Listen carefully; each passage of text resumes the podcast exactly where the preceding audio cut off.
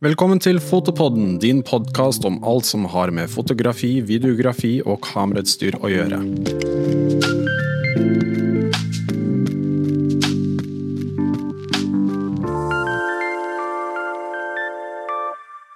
Det er blitt så enkelt å dele bilder at skillet mellom privat og offentlig bruk av bilder er i ferd med å viskes ut.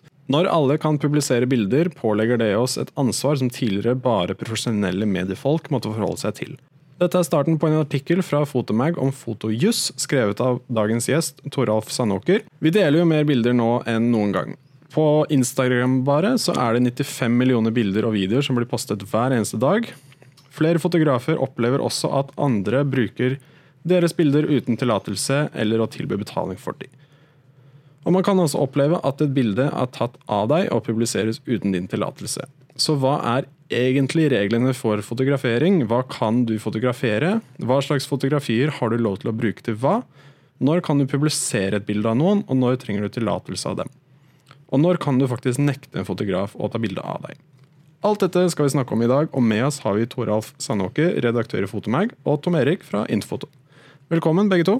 Takk skal du ha. Vi kan jo egentlig gå rett på sak. Som fotograf, hva har du lov til å fotografere i offentligheten? Du har jo i grunnen med noen unntak lov til å fotografere det aller, aller meste. Eh, men det er jo i publiseringen alle reglene stort sett dukker opp. Det er den forskjellen som er viktig. Du, bortsett fra en del sånne ting som eh, når du er på offentlig sted, sånne ting som militære installasjoner og sånt, som da vanligvis er skilta, så kan du eh, stort sett fotografere som du vil. Derimot så kan du ikke nødvendigvis publisere de bildene.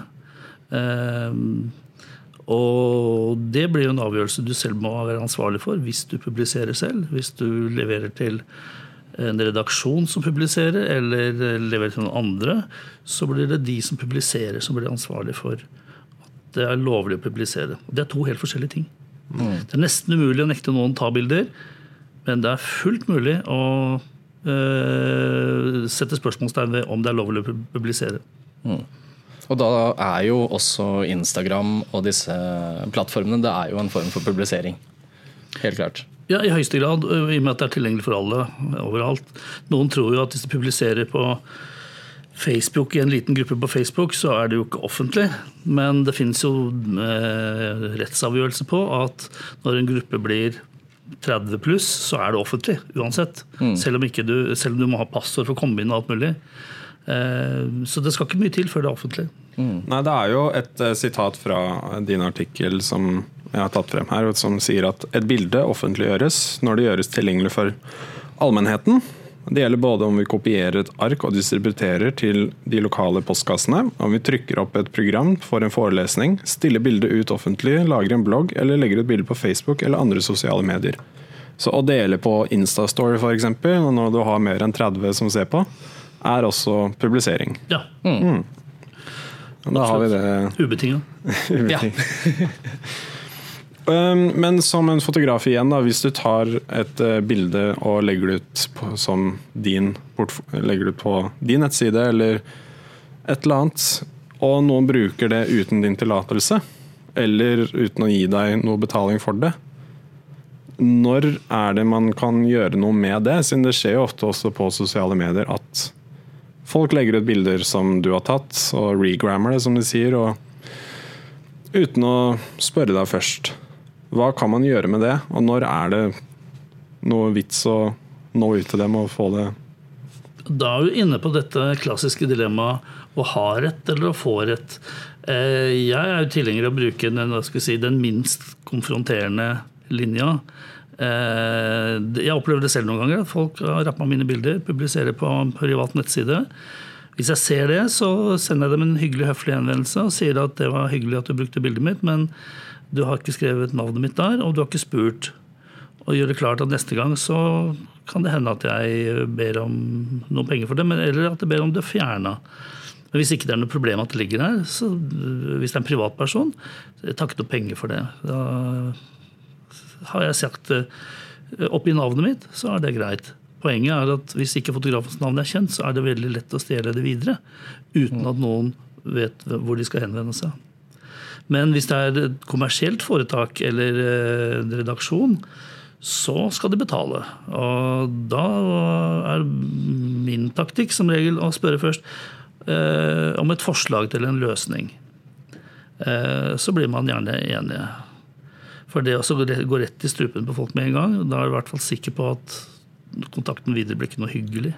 Mm. Men hvis man skal da forlange en form for kompensasjon, hvordan går man frem på det? Si, si noen har brukt bildet ditt, og noen ikke ønsker å fjerne det eller gi deg noe betaling for det.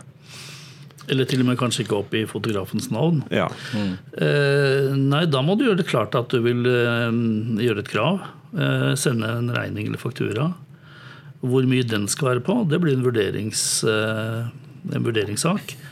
Eh, det går ikke an å sette på noe fast pris på det, men jeg for mitt vedkommende, jeg er jo medlem av Norsk Journalistlag, og vi har eh, anbefalt frilanssatser. Så jeg ville gått ut fra det. Og hvis, ikke, hvis dette er gjort i ond tro, for å si det sånn, navnet mitt ikke oppgitt, så ville jeg doble den prisen i hvert fall. Mm.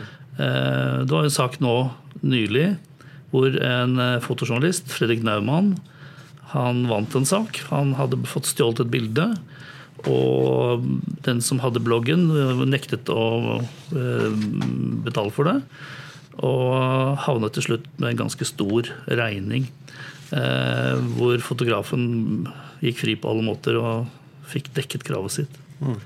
Og det mm, er fordi at man har retten på sin side, altså. Men det er ikke alltid du får det. Hvis du saksøker en person som ikke har penger, så får du ikke noe penger. Da må du betale advokaten selv. Mm. Ja, Man må jo være beredt på å legge ut for alle kostnadene selv. Og så er det jo en risiko for at de pengene aldri kommer tilbake igjen heller. Ja. Så man må jo vurdere det litt overfor det òg.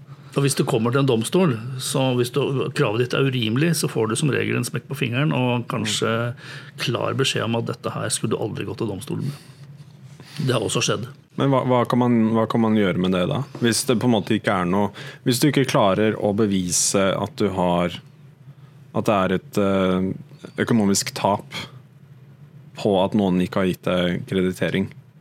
For det er litt vanskelig å bevise det.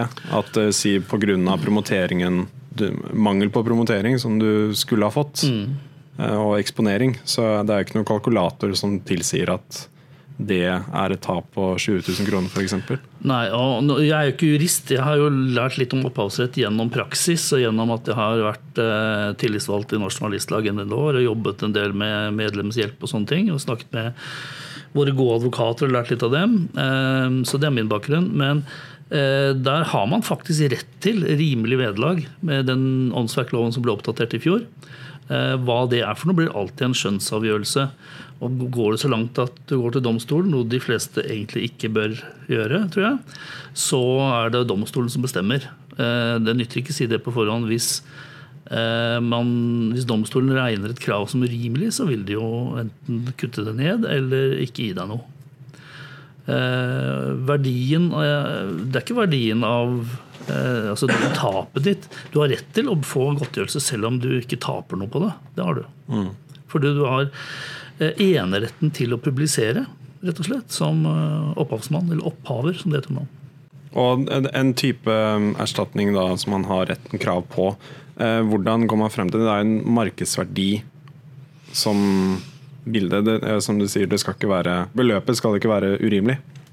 Nei, og der er det helt umulig å sette noen tommelregel, men det er jo bilder som har kommersiell verdi. Eh, det kan være eh, en annen kjendis eller sportsutøver som eh, lever bl.a.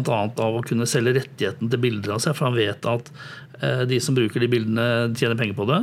Og da kan verdien av bildet være høy. Eh, både for fotografen og den personen som blir avbilda. Mens eh, vi vanlige dødelige som selger bilder i ny og ne, vi eh, kan ikke drømme om sånne priser. Så da må vi holde oss litt i skinnet. Men jeg tror en, en tommelregel som mange bruker, er jo da å se på hva som er gjengs for en frilansfotograf. Og det kan være forskjellig fra publikasjon til publikasjon. Og så har vi Eh, erfaring for at også i domstolen så godtas det at du legger på hvis det er bildet er brukt uten lov, og særlig hvis det også da er brukt uten noe navn i fotografen. Mm. Hva med hvis vi går andre veien? da? Hva med hvis du blir tatt bilde av på gata? Siden jeg tror alle fotografer som har, tatt, som har jo- jobbet med gatefoto osv., har jo opplevd at noen har kommet bort og uttrykket at de ikke ønsker å bli tatt bilde av. Når har man krav til å gå til fotografen og si at man gjerne vil at det bildet skal bli slettet, som har blitt tatt av dem? Så man kan jo si hva man vil til hvem man vil. Men jeg, jeg, jeg syns jo det at som en, som en fotograf der, så bør man jo ikke liksom Altså, hvor mye er det verdt å drive og krangle for det bildet? Eh, kommer det noen og sier 'kan du være så snill å slette bildet', så sier jeg jo helt klart ja. Ja, Til og med når det er liksom bilde av en folkemasse? Ja. Er den folkemassen viktig for meg å ha bilde av, vil jeg jo kanskje spørre meg sjøl da. Um, for jeg vil jo aller helst ikke havne i en unødig konflikt, på en måte. Men, eh, men ja, 17. mai for eksempel er jo en dag som, som det kanskje kan være litt spennende å snakke om. Fordi da er det jo mye mer lov enn en helt vanlig dag i Oslos gater, på en måte. Hva mener du er mye mer lov? Eh, Det er jo en dag som er av allmenns interesse. Ja. Eh, og da må man jo også regne med eh, å kunne havne på noen bilder. Det må man jo. Ja, og Du kan stort sett ta bilde av folk altså, så mye du vil. Publisere er en annen sak, som sagt. Eh, og når folk går i 17. mai-tog, eh, så skal det mye til at de på noen som helst måte kan nekte deg å fotografere på offentlig sted, for det er offentlig sted. Eh, derimot så har du ikke lov å krenke privatlivets fred, og da blir det alltid et definisjonsspørsmål. Hva er det? La oss si at du i, et, i halen av et 17. mai-tog kommer en russegjeng, og du tar et bilde av en av russen i for å si det diplomatisk, særdeles ufordelaktig situasjon, så er du inne på et grenseland, sannsynligvis. Og i hvert fall å publisere det. Men også det kan jo eh, være snakk om at du egentlig ikke skal ta det bildet. Altså. Men eh, igjen, da, hvis den særdeles Den personen da er i et vidvinkelbilde, f.eks. helt nede i hjørnet som Altså det skal litt til for å finne den personen, Ja. så kan det jo plutselig bli en litt annen greie. Hvis den personen er hovedmotiv, så er det noe helt annet enn hvis den personen er en del av en folkemengde. folkemengde. Uh, og du kan ofte godt ta bilde av folk og publisere som, som samtykker, men så er det andre mennesker i bildet som er helt uvesentlige. Og da mm, eh, vil det stort sett være greit. Altså. Men derimot på privat grunn så bør du i utgangspunktet alltid be om lov til å ta bilde også. Ja. På offentligheten så kan det virke som om det er en liten sånn gråsone her. Som at eh, hver enkelt sak må vurderes eh, basert på situasjonen. Lite grann. Virker det sånn? Ja, du, godt skjønn, og det er ikke alltid folk er helt enige om hva det er. Men Ja. folk er ikke alltid enige om hva som er offentlig grunn heller. Vi har jo eksempler for fotografer, både amatører og pressefotografer, blir forsøkt avvist f.eks. fra togstasjon eller av vektere og sånt noe. Det er en typisk situasjon. Skjedd med meg. Ja, og, og det er ikke alltid de, de har lov til å avvise deg der. Eh, særlig ikke hvis det er en eh, pressefotograf som fotograferer en aktuell hendelse. Da skal det veldig mye til. Eh, noen prøver å være sånn lekeredaktør og si at det der, der får du ikke lov å publisere, men det bestemmer jo faktisk ikke fotografen engang. Hvis fotografen er ansatt en avis, det bestemmer jo redaktøren. Eh, jeg eh, ga ut en bok for en stund siden, og da hadde jeg en samtale med bl.a. Eh, Pål Audestad, en meget god norsk fotograf.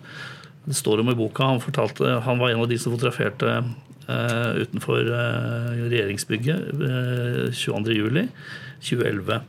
Og Han gikk jo bare rundt og fotograferte, tok bilder uten å tenke på publisering. For han leverte bildene til Aftenposten, og det var Aftenpostens ansvar. Og de som senere kjøpte bildene, sitt ansvar. Eh, og, den publiseringen var riktig. Flere av bildene hans ble jo felt i pressens faglige utvalg og andre ting. Men det var ikke hans ansvar. Det var ikke han som hadde publisert dem. Og så er det jo den casen hvor det er veldig mange som ja, I hvert fall jeg opplevd, i hvert fall privatpersoner og folk i, i selskaper, som søker opp et bilde på Google og tenker at det bildet er på Google, og da er det greit å bruke det sånn, ikke til sånne store reklamer og sånne ting, men at det kan liksom brukes til å printes på brosjyrer og printes litt overalt og brukes i presentasjoner osv. Men det er jo selvfølgelig da ikke lov. Men hva gjør man hvis man ikke finner noe informasjon på fotografen som har tatt det bildet som ligger på Google? Altså, man kan jo gjøre litt det samme som å Hvis man er en fotograf som skal sjekke litt rundt og se om det er noen av bildene ens som er stjålet, så kan man jo bruke en reverse image search i Google. Det kan man jo også gjøre med det bildet hvis man lurer på hvem som har tatt det bildet. Så kan man se om er det publisert et annet sted hvor det er kreditert. Hva er en reverse image search? Eh, Det er jo et bildesøk f.eks. via Google. Så kan du laste opp et bilde, og så be Google å finne alle bilder som er likt som dette. Og så gir den deg en liste over nettsider eh, eller steder hvor man kan klikke seg inn og sjekke. Det som er helt sikkert, er at den som vil publisere et bilde rappa fra internett, eller kanskje ikke i ond hensikt, har jo plikt til å selv vite at de har rett til å bruke bildet. Eh, har avtale om å bruke bildet i og med at fotografen alltid har enerett. Og hvis vi ser bort fra sånne ting som veldig gamle bilder som ikke er opphavsrett på lenger, og sånt nå, så, så er det noen som har rettigheten til bildet uansett. Og da må man gjøre en jobb altså, for å prøve å finne det ut. Hvis man ikke prøver engang, mm. så ligger du ganske tynt an. Men det, det, kan hende at dette her er jo et annet land. Både bilder kan være fra et annet land, og blir publisert i et annet land. Så det er ikke alltid så veldig enkelt. Du må regne med at hvis du publiserer et bilde på nett, på en eller annen måte, et eller annet nettforum eller sosiale medier, så, så, det, så blir det tatt. Og da er spørsmålet kan du leve med det. Og hvis ikke du kan leve med det, så bør du ikke publisere det i det hele tatt. Ja, siden uh, Vi har jo våre regler i Norge, men det er jo også annerledes regler i utlandet. Mm. Også på å, rettigheter av bilder og det å ha lov til å ta bilde av folk. Uh, hvor annerledes er liksom, si våre regler bas, uh, sammenlignet med reglene i USA, da, f.eks.? Så hvis du drar over til USA som en fotograf og skal gjøre en jobb der, da er det jo selvfølgelig lurt å oppdatere seg på reglene, men hvilke, hva er de største forskjellene? Eh, nå er jeg som sagt ikke jurist, og det, dette har jeg jo lest meg litt til. Men du skal i hvert fall ikke gå ut fra at det er de samme reglene. Eh, og Det er viktig. Føre var, undersøk. Eh, hvis du ikke vet at du kan publisere et bilde eh, som er tatt i USA, eller som publisert i USA som du har tatt selv, så, så bør du ikke gjøre det. Altså, du bør få gode rådgivere til å gjøre det. Særlig hvis det er personbilder. Mm. Og eh, ellers så, Norge og de fleste vesteuropeiske land er jo medlem av et felles opphavsrettsorganisasjon, altså Bern-konvensjonen, som gjør at har, mange av reglene er ganske like. Det er basert på de samme prinsippene. Men Storbritannia og USA for eksempel, har ganske forskjellig lovverk fra oss. Um, og en del land har jo ikke noen fungerende lov eller fungerende rettsvesen, så da ligger du tynt an uansett. Nei, det er liksom, sånn Generelt så går det jo fint, og det er sånn at du må bruke litt sunn fornuft. Ja, og, og, det hjelper å være høflig, og det hjelper å få øyekontakt, faktisk. Jeg opplever at det er mange gatefotografer som er opptatt av å snikfotografere. Jeg finner mye bedre løsninger ved å ikke snikfotografere og faktisk vise at du er der. Mm. Og faktisk være en del av situasjonen sjøl ja. også. Uh, og da står du jo også nærme nok til å faktisk spørre etter å ha tatt bilde. og så vise dem bildet etterpå. Og liksom enten kanskje Det gjør jeg veldig ofte hvis jeg er ute og reiser. Hvis jeg tar noen bilder her og der og ender opp med å ta bilde av noen, så viser jeg dem alltid etterpå. Og så spør de bare sånn Kan du sende det til meg? Og, og så sier jeg ja, vanligvis, hvis det er Jeg vil bare ta bilde på privaten. Mm. Og legger det til på Instagram og sånne mm. ting. Og da blir det liksom bare en kul greie ut av det. Men å snikfotografere og så ende opp med å liksom krangle seg til at man har lov til å bruke det, kanskje ikke, vet ikke, osv. Da tar du et nytt ut. Ja, det, ja, tar du et nytt ut Det er liksom ikke vits. Nei. nei. Når jeg møter folk som jeg forstår er interessert i å ha et bilde jeg har tatt der og da, så For å slippe å holde styr på alt dette, så gir jeg dem visittkortet mitt med e-postadresse og sier at jeg vil gjerne sende deg bilde, men da må du sende meg en e-post eller på en annen måte kontakte meg. Mm. Så skal jeg sende bildet. Så noen ganger så gjør de det, men ikke alltid. Det er en smart måte å gjøre det på. Ja, ja så er det helt fair. Ja, det er jo det. Mm. Det er jo bare hyggelig. Ja. Vi, vi, har noen spørsmål fra, fra en eh, lytter som kommenterte inn og eh, hadde dette tema som et forslag på noe de ønsket at vi skulle snakke om. Eh, og da er det jo mest med tanke på gatefoto og sånne ting, men også da et spørsmål som de kom med. Hva slags fotografier har man lov til å bruke til hva? Da må du bare rett og slett vite. Du må sjekke lisensbetingelsene. Og noen ganger så kan du bruke det fritt på trykk, men ikke på web, f.eks. For, eksempel, for da ligger det ute overalt. Så du må bare sjekke det, rett og slett. Du må vite det. Du kan ikke si noe særlig generelt om det. altså. Nei. Det er jo vanskelig. Sjekke med den som er i bildet, eller de som fører bildet eller selger bildet. Rett Og man kan jo tegne en sånn standardkontrakt også med fotografen eh, direkte. Mm, det kan man absolutt gjøre. Eh, og ja, når det kommer til uh, gatefoto og, og sånne ting, da, når er det greit å publisere bilder av en fremmed, og når uh, trenger man å innhente en skriftlig tillatelse? Dette har vi jo snakket om uh, lite grann, men det er liksom kjekt å ha det sånn eh, konkret. Og det er jo litt sånn hvis en person er, er hovedfokuset i bildet. Men hva, hva gjør man da hvis man ikke har kontaktinformasjon til personen, eller noen sånne ting? Og vil bruke bildet og selge det til galleri eller noe sånt. Jeg vil jo si at du da ikke skal bruke bildet, mm. rett og slett. Fordi Så du må løpe etter dem. Ja. Og der har det jo skjedd eh, noe på, i lovverket òg, i Europa, eh, hvor det har blitt inn eh, Altså personvernet har blitt styrket. eh, Og det skal veldig mye til at du slipper unna hvis du publiserer et sånt bilde uten tillatelse, og en person på bildet kommer etterpå eh, og vil stoppe det.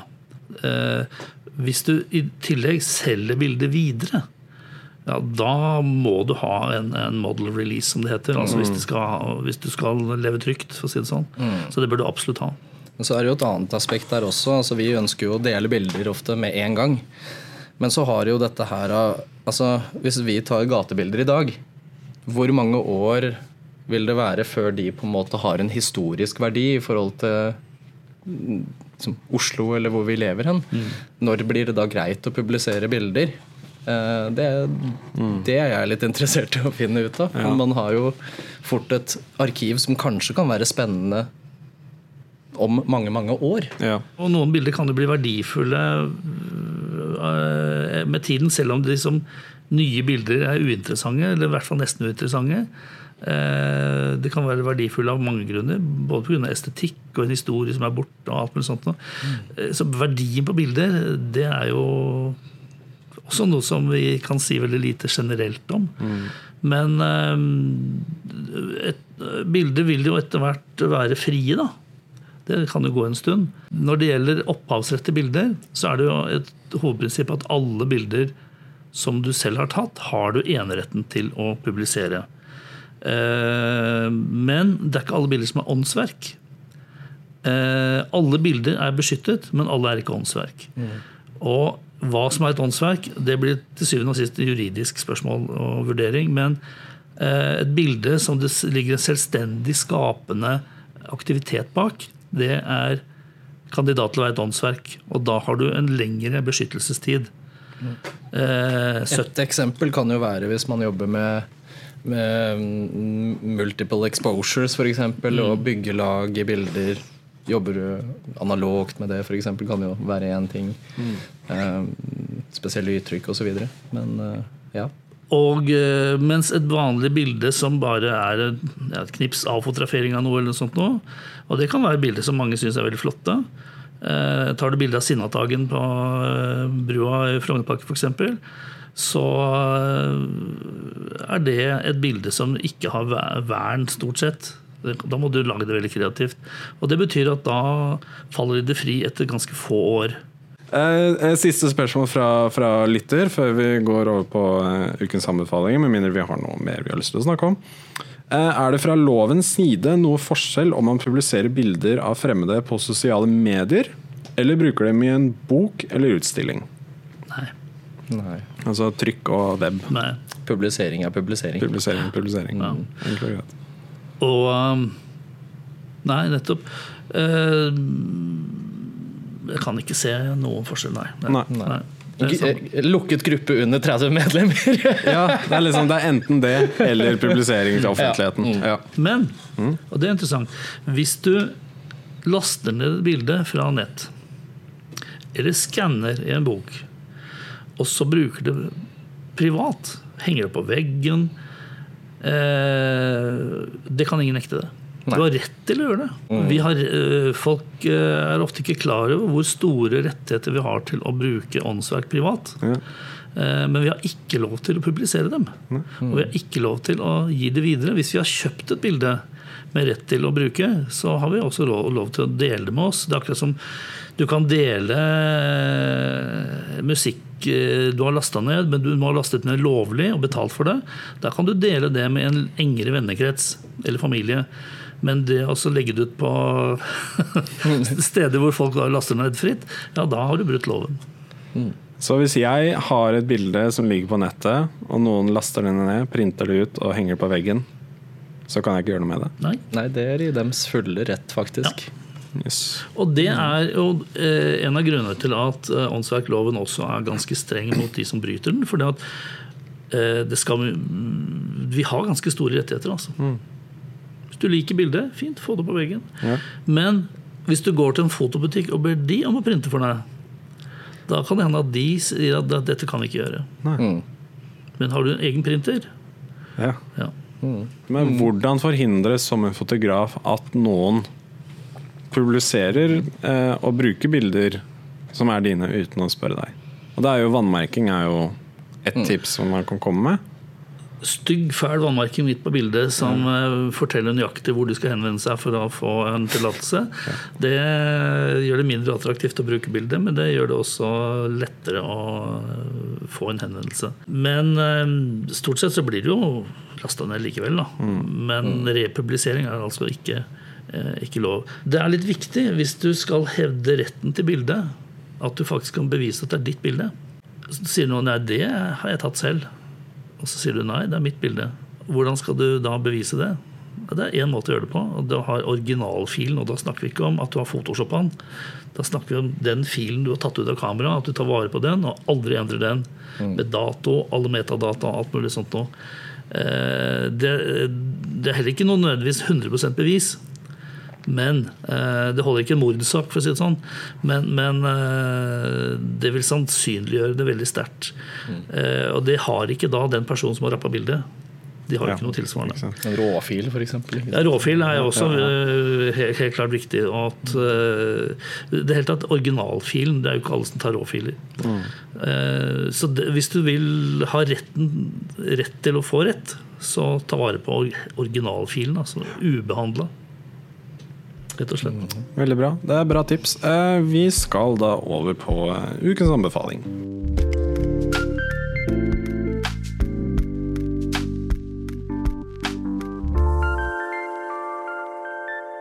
Og Det er jo en eh, fast spalte hvor vi kommer med våre anbefalinger til lytterne. Det kan være en fotograf, det kan være tips og triks, det kan være egentlig en annen podkast, det kan være et produkt, det kan være boka di hvis du vil promotere den.